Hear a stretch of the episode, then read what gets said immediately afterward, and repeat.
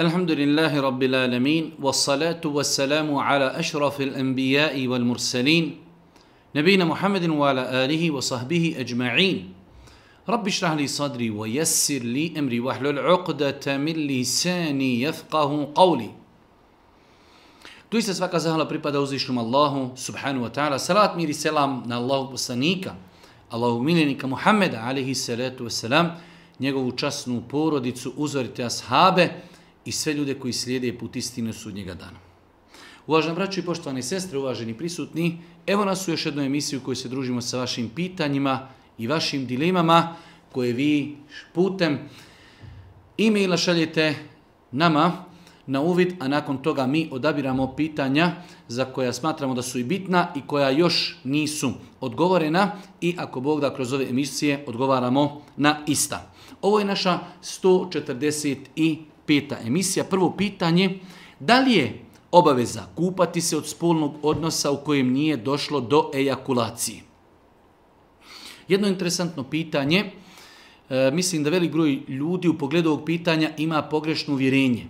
Smatraju da e, je obaveza kupati se samo onda kada čovjek ima intimni kontakt u kojem je došlo do ejakulacije, što nije tačno onog momenta kada dođe do ulaska muškog spolnog organa u ženski, samim tim postaje obavezno kupanje bez obzira da li došlo do ejakuliranja ili ne. Znači, kao što to potvrđuju jasni i vjerodostojni hadisi Božih poslanika, ali se letu eseram, tako da, znači, obaveza je e, ljudima da se poduči ovom propisu zato što iz toga proizilazi validnost namaza, validnost ibadeta, znači ako čovjek ima intimni kontakt sa svojom suprugom, bez obzira da li došlo do ejakuliranja ili ne, ako je došlo do ulaska muškog spolnog organa u ženski, obaveza je, obaveza je da se okupaju. Drugo pitanje, opet iz poglavlja intime, intimni kontakt nakon prestanka hajza, a prije nego što se supruga okupa. Da li je znači dozvoljeno mužu da ima intimni kontakt sa suprugom koja je vidjela tragove završetka hajza. 100% uvjerena kraj hajza, ali se još nije okupala. Da li je dozvoljeno takvoj situaciji da čovjek ima intimni kontakt? Apsolutno ne. Hatta jat horn dok se one ne okupaju. Znači nije dozvoljeno muškarcu, mužu, da ima intimni kontakt sa svojom suprugom koja je vidjela tragove pokazatelje kraja hajza. Znači, ili je vidjela bijeli iscjedak, ili je krv totalno prestala, ne može čovjek sa suprugom imati intimni kontakt sve dok se ne okupa. Nakon kupanja mogu imati intimni kontakt. Ako toku namaza dijete zaplači, a u blizini je majke, ima li ona pravo da ga podigne i klanja s djetetom u naručju? Znači, zna se desiti da žena klanja i pored nje njeno dijete počne plakati. Kako kod kuće, tako i u džami. A u džami možda malo i gori zato što ima drugih klanjača. Da li je potrebno da majka uzme svoje dijete da ga drži u naručju? Apsolutno da.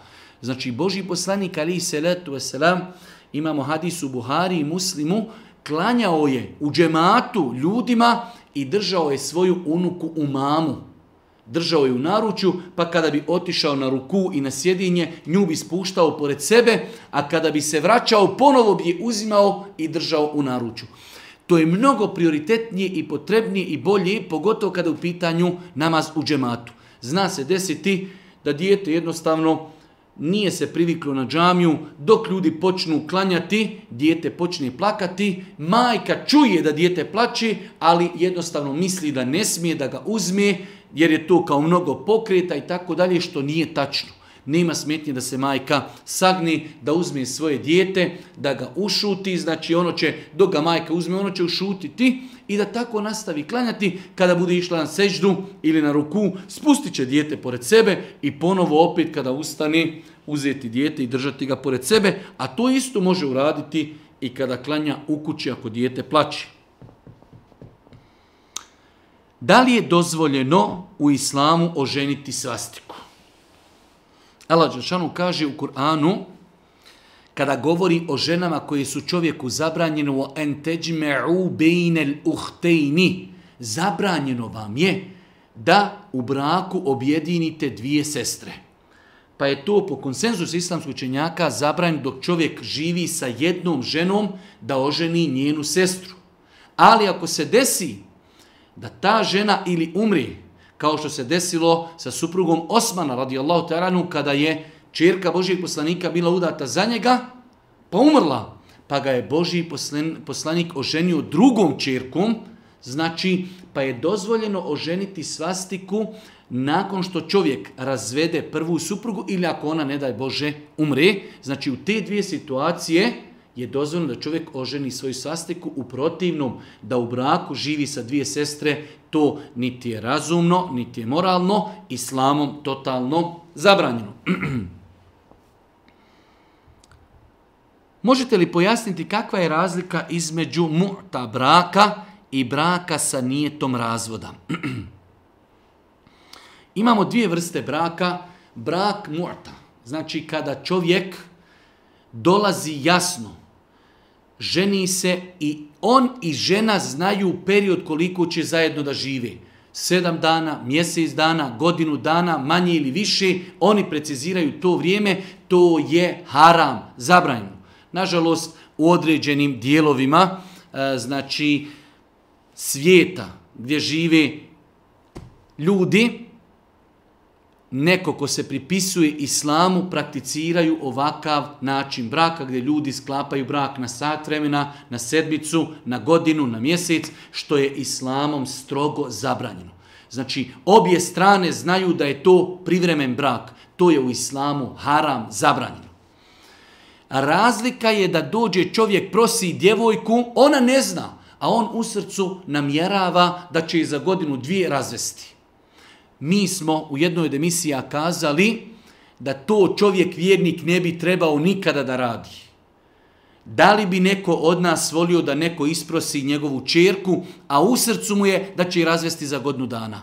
Ako mi nismo zadovoljni da neko oženi našu čerku, uzme njenu nevinost, rodi mu dijete, nakon toga i razvede, ali već u startu ono će se možda desiti, nekada razvod braka, ali ovo je u startu čovjek namjerava da će i razvesti, da li bi mi volili da to neko uradi našoj čirci ili našoj sestri? Apsolutno ne bi. Kako onda to mi možemo uraditi nekom drugom? Ali u tom braku žena to ne zna. Za razliku od te braka koji prakticiraju, e, znači šije, koji u većin slučajeva žive u Iranu, prakticiraju tu vrstu braka koja je strogo, strogo zabranjena u islamu, za razliku od braka u kojem čovjek ima namjeru da razvede ženu, ali joj to nije kazao. Takav brak, rekli smo da to ne bi trebao vjernik nikako da uradi zato što nije zadovoljan da to uradi neko sa njegovom čerkom. Zekijat na imetak koji je pregodinio zekijat na imetak koji je pregodinio, ali nije znači izvajan zekijat nekoliko godina. Či znači, imamo slučajeve ljudi koji imaju imetak i on je pregodinio, ali nisu izdvajali zekijat dvije ili tri godine.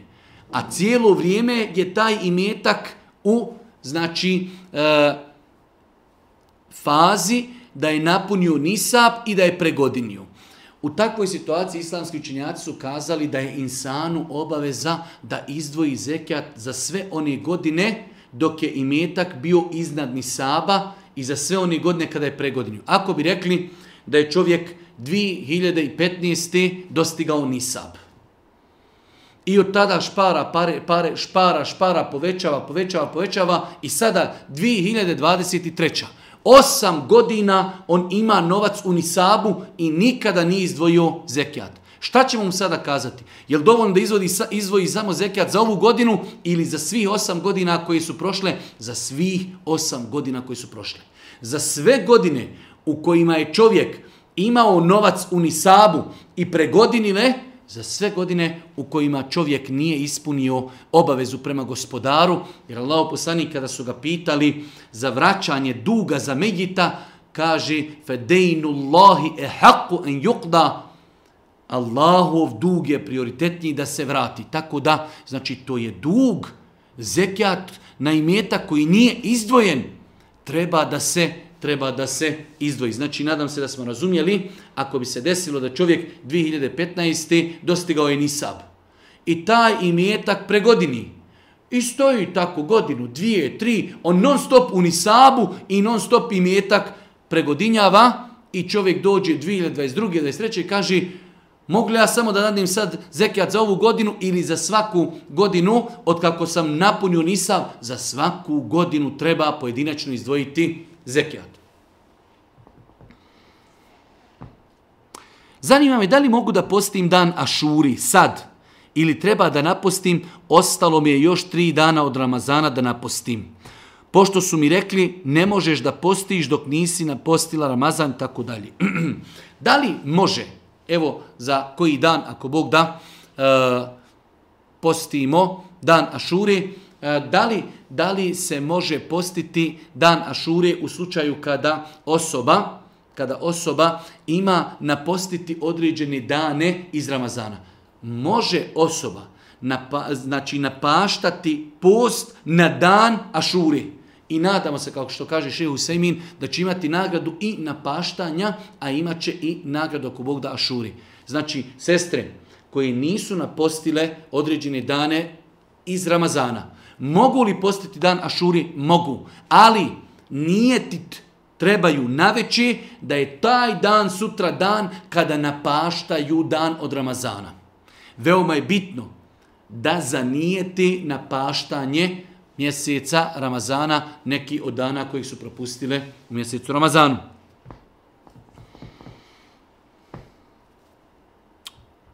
Može li se postiti samo dan Ašuri? bez da se posti dan prije ili dan poslije. Pohvalno i lijepo je da osoba posti dan prije ašure. Nema smjetnje i možemo kazati čak i pohvalno je da posti i dan nakon ašuri. Ali, ako je sigurna, da je to dan Ašure, ako bi osoba postila samo jedan dan, nije uradila ništa pokuđeno, čak šta više, znači u vjerozostim hadisima, Allah poslanik je posticao da se posti dan Ašure i zato obećao oprost grijeha iz protekli godine, tako da osobe koji ne mogu postiti dan prije ili dan poslije, neka se potrude da posti samo dan Ašure.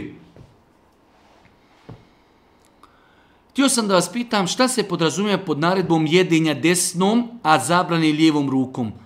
Da li to znači da čovjek samo smije stavljati hranu u usta desnom rukom, a nipošto lijevom i tako dalje. U svakom slučaju imamo dvije opcije. Imamo opciju da jedemo desnom rukom i da pijemo desnom rukom, to je ispravno dozvoljeno sunnet. Imamo opciju da jedemo i pijemo samom lijevom rukom, to je zabranjeno. I piti i jesti lijevom rukom je zabranjeno. Imamo treću opciju da nešto držimo i lijevom i desnom rukom, sendvič, i jedemo, to je dozvoljeno. Bez obzira što ga držimo i lijevom rukom, ali ga držimo i desnom rukom. Pa je dozvoljeno držati sendvič ili nešto drugo, znači slično tome komad pite ili nešto komad lubenice i lijevom i rukom i desnom i jesti. Isto tako je dozvoljeno piti iz neke veće posude koju držimo sa dvije ruke. Znači, lijeva ruka ne može sama da bude prilikom jedenja ili pijenja, ali ako zajedno sa dvije ruke držimo ili hranu ili piće i konzumiramo, ako Bog da to je dozvoljeno. Da li mi je dozvoljeno učiti hivs pred muškom osobom koja mi nije mahrem, ali bez osamljivanja sa tom osobom? Znači, pita jedna naša sestra, da li može da uči hivs pred muškarcem, on joj nije mahrem, ali se ne bi osamljivala. Uvijek bi tu bio neki muškarac pored njih. U svakom slučaju, e, živimo u vremenu e, interneta, živimo u vremenu velikih mogućnosti kada žena može da uči HIVS pred ženom, pa ne mora to čak biti ni direktno, može putem aplikacije, putem interneta i tako dalje. Tako da je prioritetnije, prioritetnije da žena traži ženu pred kojom će učiti HIVS.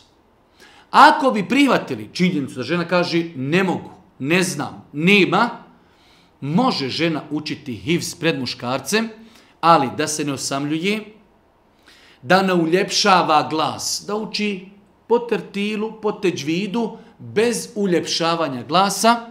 I moja preporuka, dobro je da žena, pri, ako i mimo toga ne nosi nikav, da prilikom učenja nosi nikab, svakako da nema osamljivanja, da nema znači uljepšavanja glasa i da nema osamljivanja i da pokrije svoje lice.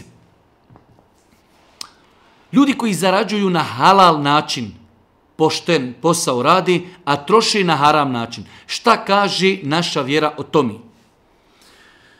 U vjerodostojnom hadisu Allah poslanik kada govori o tomi o čemu će čovjek biti pitan, kaže za imetak će čovjek biti pitan, neće se pomaknuti stopala čovjekova ispred Allaha dok ne odgovori kako je sticao imetak i kako ga je trošio.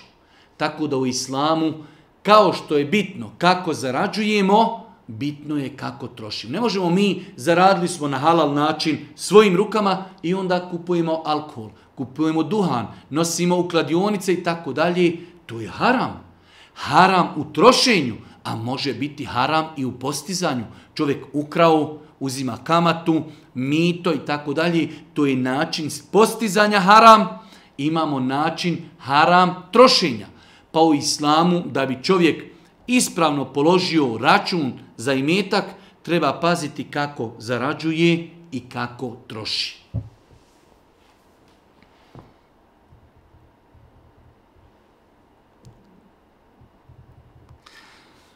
Esselamu alaikum, važeni ših, molim Allah da vas nagradi svakim dobrom na oba svijeta, uskoro se udajem.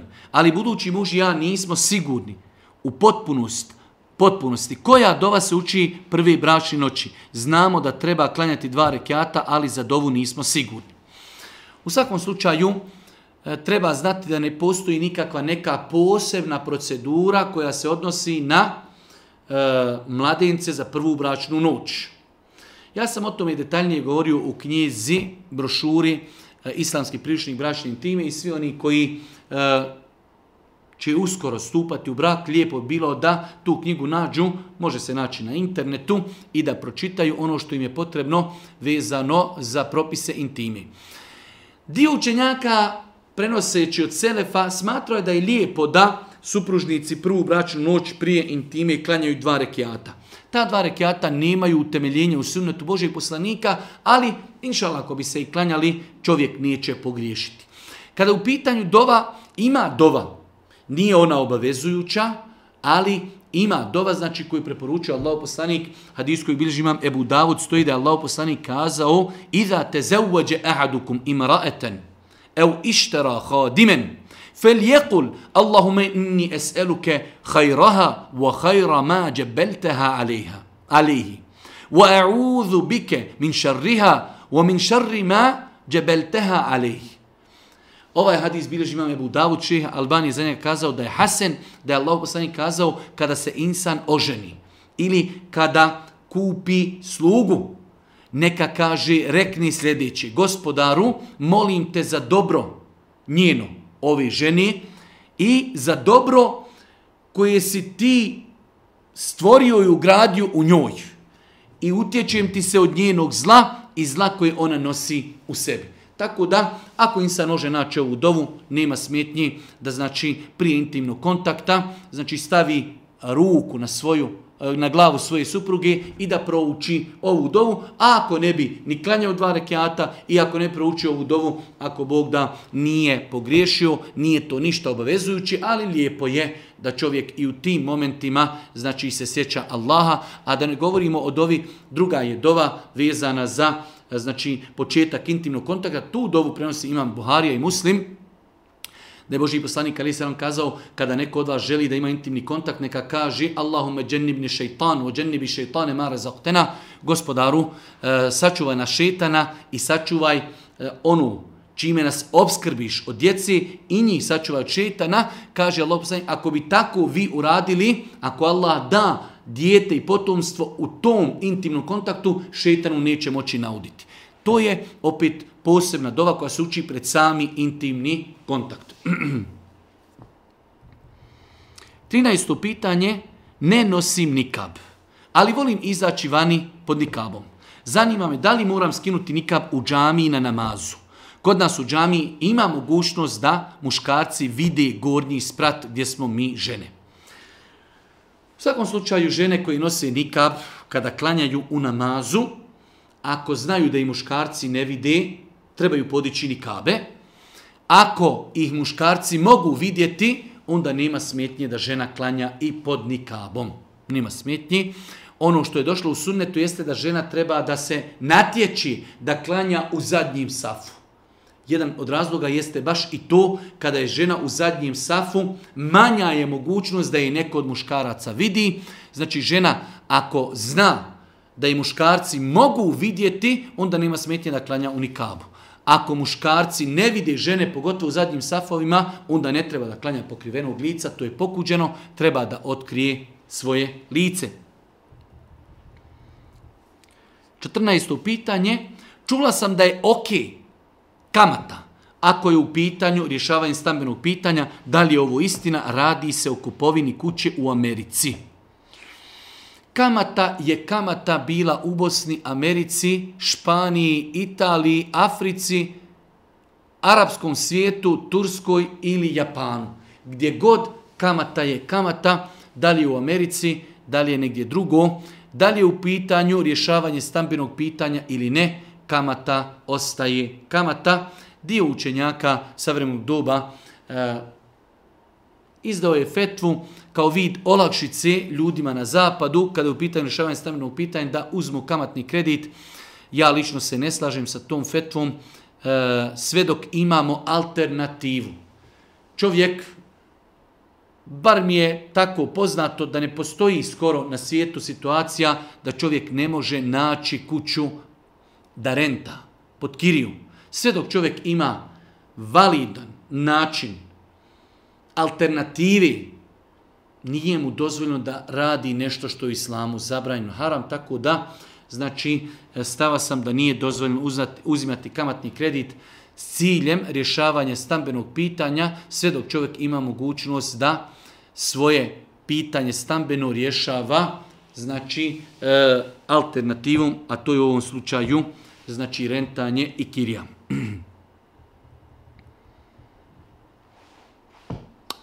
Molim vas za objašnjenje, budući da nisam nigdje našao na meni razumljiv odgovor u pitanju je zekijat na mid, koji je nisab i koji postotak i tako dalje.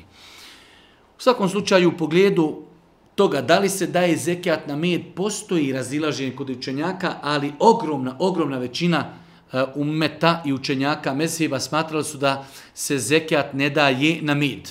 Tako da, znači, imam sam Buharija učenjaka, je kazao u jednoj od svojih knjiga ne postoji vjerodostojan argument i dokaz na osnovu kojeg bi mogli kazati da se izdvaja zekijat na mid. Tako da osobe koje se bavi pčelarstvom nemaju obaveza znači koje se ogledaju kao obaveze zekijata.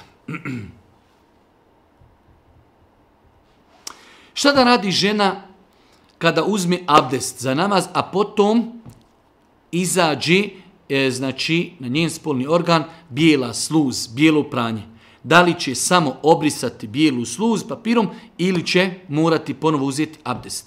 Isticanje, ako se doista desi da je znači žena e, sigurna da je isteklo bijelo pranje, to joj kvari abdest, a sama tečnost nije nečista svakako iz nekih higijenskih razloga žena treba da tu e, znači sluz e, tečnost očisti, ali s aspekta islama nije nečista, a to kvari isticanje, znači bijele sluzi, bijelog pranja, kvari avdest. Majka mi je rodom iz Sanđaka, udala se u Bosnu, živi u Zenici kada se ona vraća u roditeljsku kuću, u rodno mjesto, kao, musa, kao znači u goste dolazi, da li se ona broji musafir? Znači imamo ženu koja je rodom iz Sanđaka, živi u Bosni. Kada se vraća u Sanđak, ide svojima jednostavno da ih posjeti, da li ona musafir? Apsolutno da. Znači, sam ših, e, ših bin Baz, rahmetullahi alihi, upitan je da žene koje su udate, u mjesta koja su dalja od 80 km, kada dolaze svojim, svojim roditeljima u goste, da li se smatraju musafiri? Oni odgovorio da se smatraju musafiri. 18. pitanje, ja sam imala od prošlog Ramazana na posteti par dana, međutim, iz rastenih razloga nisam mogla, a i nisam u mogućnosti drugačije se iskupiti. E sad, imam da napustim i od prošlog Ramazana par dana, a i od ovog sada. Šta da uradim u takvoj situaciji? Žene koje imaju na posjetiti dane iz zadnjeg Ramazana, a nisu uspjele na posjetiti neke dane iz predzadnjeg Ramazana, šta će uraditi? Prvo će na posjetiti dane iz predzadnjeg Ramazana, jer je to znači redoslijed. Kada to završi, onda će posjetiti i napaštati dane iz posljednjeg Ramazana. Znači, ako ima žena koja nije postila određene dane u zadnjem Ramazanu, a neke dane nije uspjela postiti iz predzadnjeg. Kada bude napaštala, prvo će napostiti dane iz predzadnjeg, a nakon toga će napostiti dane iz zadnjeg Ramazana.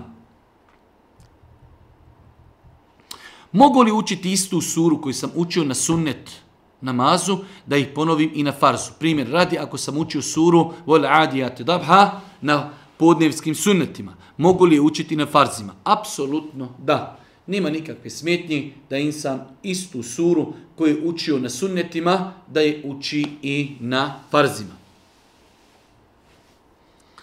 Imam pitanje. Udata sam i imam svoj posao, svoja primanja. Kada želim da uplatim za neko dobro, dobro dijelo, muž kao da se malo naljuti. Da li je haram da udjeljujem svoj imetak bez znanja muža? da to sakrijem od njega, da mu ništa ne kažem. Veliki princip u islamu jeste da žena kada ima svoj imetak, to je njen imetak i ima pravo da raspolaže sa svojim imetkom kako ona želi. Imaju određeni hadisi iz kojih se može shvatiti da žena treba prilikom udjeljivanja imetka da pita svoga muža. E, učenjaci su imali različita tumačenja za te hadise, tako da Allah najbolje zna, znači žena ima pravo da raspolaži sa svojim imetkom kako ona želi. Ali isto tako i radijeći po ovim argumentima i po stavu islamske učenjaka, ako žena može objediniti ili da muž ne zna da ona udjeljuje ili da jednostavno na lijep i blag način od njega traži dost da kaže vidi ovo je hajr, Allah te nagradio, Allah će nam povećati beričet, ja sam to zaradila, to je moj imetak, želim da udjelim milo mi je, volim i tako dalje, lijepo se osjećam, znači da pokuša objediniti i to njeno pravo nije obavezna da pita, ali isto tako da pridobije harmoniju, ljubav, povjerenje svoga muža ili u protivnom neće ga obavještavati kako joj to ne bi pravilo probleme u braku.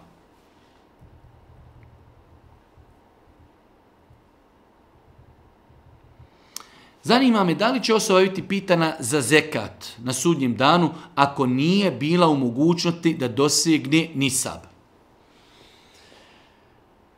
Čovjeku vjerniku nije obaveza da špara novac pa da dođe u situaciju da ima nisab pa da daje zekat. Tako da čovjek može živjeti 30, 40, 70 godina i da nikad nije došao u granicu nisaba i da nikad nije izdvajao zekat zekijat postaje obaveza onda kada čovjek ima na, na kamari, na novac koji je ušao u granicu Nisaba ili neku drugu vrstu imetka na koji se daje zekijat, kao što su poljoprivredni proizvodi, kao što je stoka i tako dalje.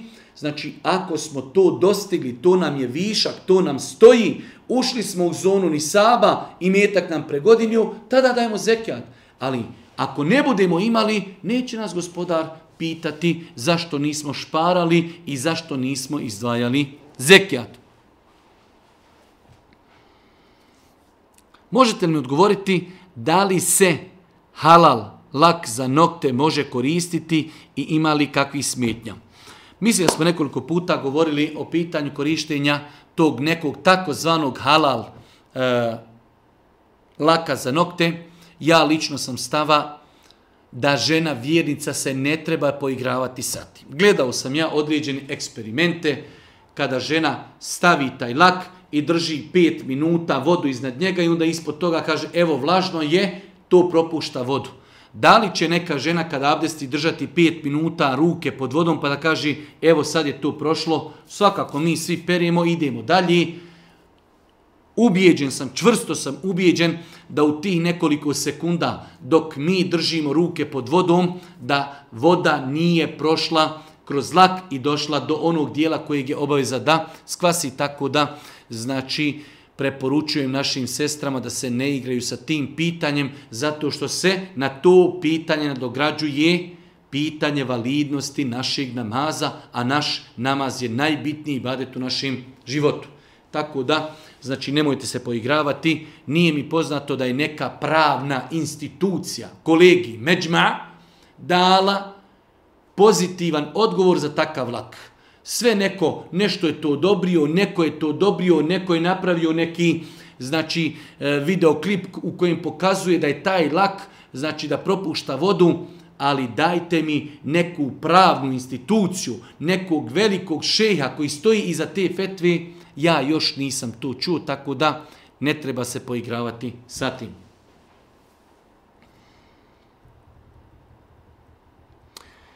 Selam, majka mi uvijek govori da očistim tene, patike, kada se vraćam sa mezara.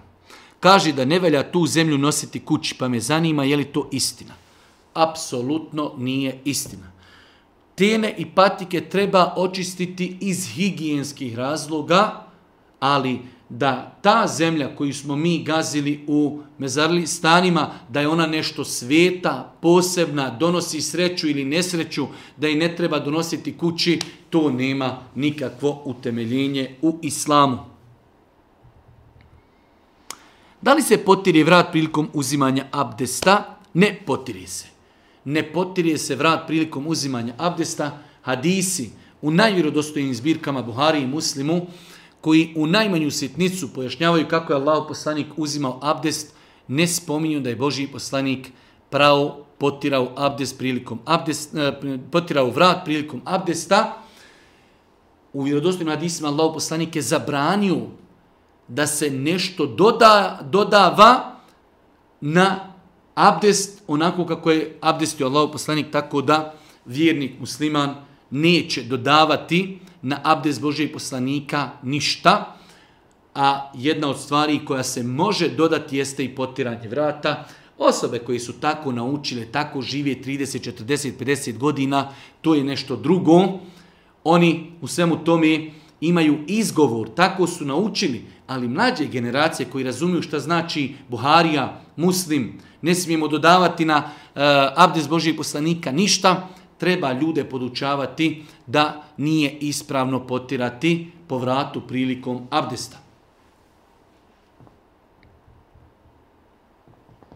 Da li mi je grijeh ako nakon napornog dana, što znači čak neka 10 sati rada i stajanja na nogama, klanjam na jaci samo farze i vitr?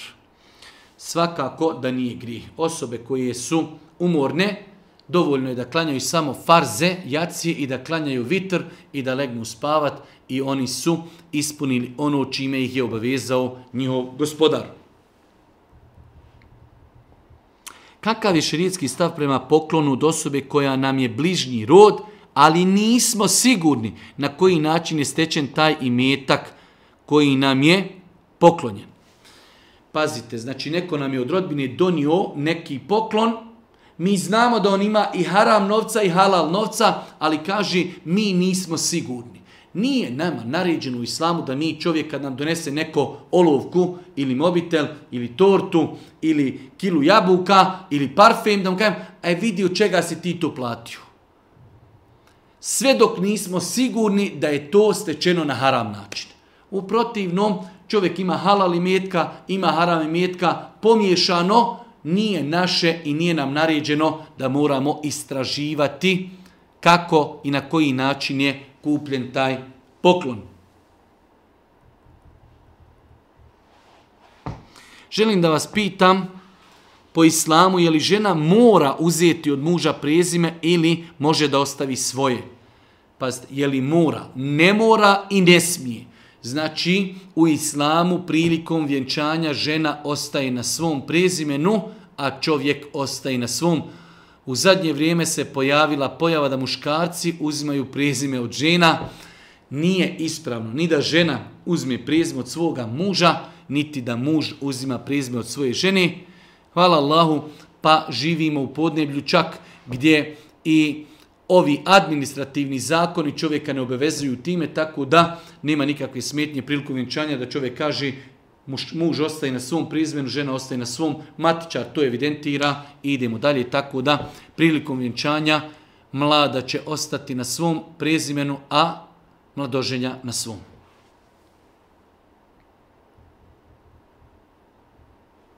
Da li je grije kod Allaha to što sam ja i moja žena začeli dijete prije braka. Trenutno smo u braku i sretni smo s našim sinom, tako se zove, ali pitan da li je to veliki grijeh kod Allaha. Da li je grijeh kod Allaha što smo ja i moja žena začeli dijete prije braka? Da li je grijeh? Apsolutno da. Znači, čovjek prije braka ne smije suprugu dotaketi poljubiti. Ne smije se sa njom osamiti, a kamol imati intimni kontakt i da ona zatrudni u svemu tome to dijete je dijete bluda. To dijete je nastalo u bludu. Da li je to grijeh? Pitanje je da li je to grijeh? Apsolutno jeste grijeh. Čovjek prije braka ne smije dotakjeti ženu, ne smije poljubiti, ne smije se sa njom osamljivati, ne smije sa njom imati intimni kontakt. 30. pitanje, kako da krenim klanjati? Ja nanijetim, okupam se da budem propisno čista, ali ne mogu. Jednostavno, da mi Bog oprosti. Želim klanjati strah me Boga, zahvalna sam mu, osjećam i zahvalnost i strah. Podario mi je potomstvo, živo i zdravo i tako dalje. Svakako da osoba koja godinama nije klanjala, da je ona u datom momentu pod jakim uticajem šetana. I onog momenta kada insan odluči da će početi klanjati, šetan ga neće ostaviti. Šetan nikada ne gubi nadu.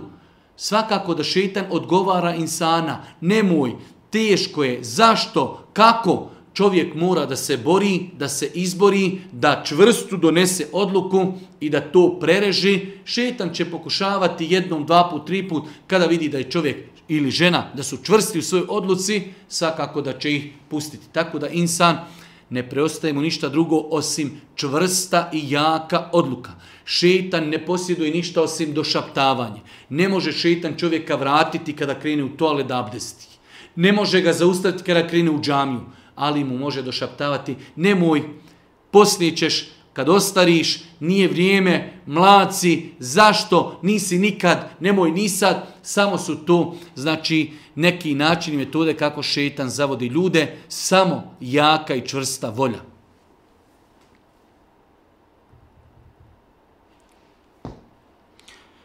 Dobar dan, želio bih da mi odgovorite na pitanje da li osoba koja nije, koja ne klanja, a radila je dobra djela i poštovala Allahove zakone i pravila da li takva osoba može ući u džennet.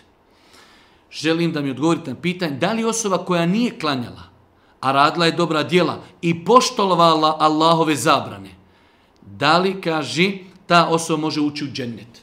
Malo kontradiktorna osoba koja ne klanja, ona ne poštuje Allahove zabrane.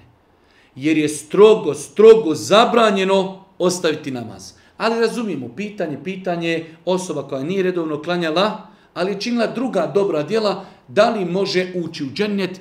Mi smo kazali da islam ljude dijeli u tri kategorije. Imamo ljude koji su se deklarisali do zadnjeg sekunde svog života kao nevjernici, nemuslimani. Takvi ljudi idu vječno u pakao, u džehennem. Po konsenzusu učenjaka. Ostali su muslimani, monoteisti, koji su govorili la ilaha illallah, neki su imali više griha, neki manji. Oni ljudi koji budu imali više grijeha nego dobrih dijela, bit će kažnjeni shodno grijesima, pa će poslije završiti vječno u džennetu. Ljudi koji budu imali više dobrih dijela nego grijeha, Allahom voljom će ući odma u džennet. Tako da insan ne smije se poigravati. Namaz je najbitniji temelj islama. Ostaviti namaz je najveći grijeh u islamu nakon širka. Ali, bez obzira, ako insan ne klanja redovno, radi druga dobra dijela, posti, kolje, kurban, daje sadaku, nadamo se da mu Allah oprosti, ako mu ne oprosti, ne uvede ga u džennet, bit će kažnjen jedan period u džehennemu, a nakon toga će završiti u džennetu. Da li je dozvoljeno klanjati u autobusu? Ako se misli klanjanje u autobusu tokom vožnje, kazali smo da je obaveza insanu da sačeka da se autobus zaustavi i da negdje klanja okrenut prema kibli stojići. Ali ako bi se vozili u autobusu i bojimo se da će namasko vrijeme izaći, završiti, proći, onda ćemo klanjati onako kako možemo, sjedeći, okrenuti onako kako autobus ide, ali se trebamo potruditi, pogotovo kad su pitanje namazi koji se mogu spojiti, ako smo musafiri, onda ćemo sačekati da se autobus zaustavi, klanjat ćemo stojeći, okrenuti u pravcu kibli. Ako se bojimo da će namaz proći, prije nego što se autobus zaustavi, onda nećemo dozvoliti namaz prođe, klanjat ćemo onako kako možemo, sjedeći, okrenuti onako kako autobus ide. Molim Allah Želšanom da nas učinu putu istinu, da podari korisno znanje, na kraju subhaneke Allahumma hamdike, ešhedu en la ilaha ilan illa ente ilik. Oh, oh, oh.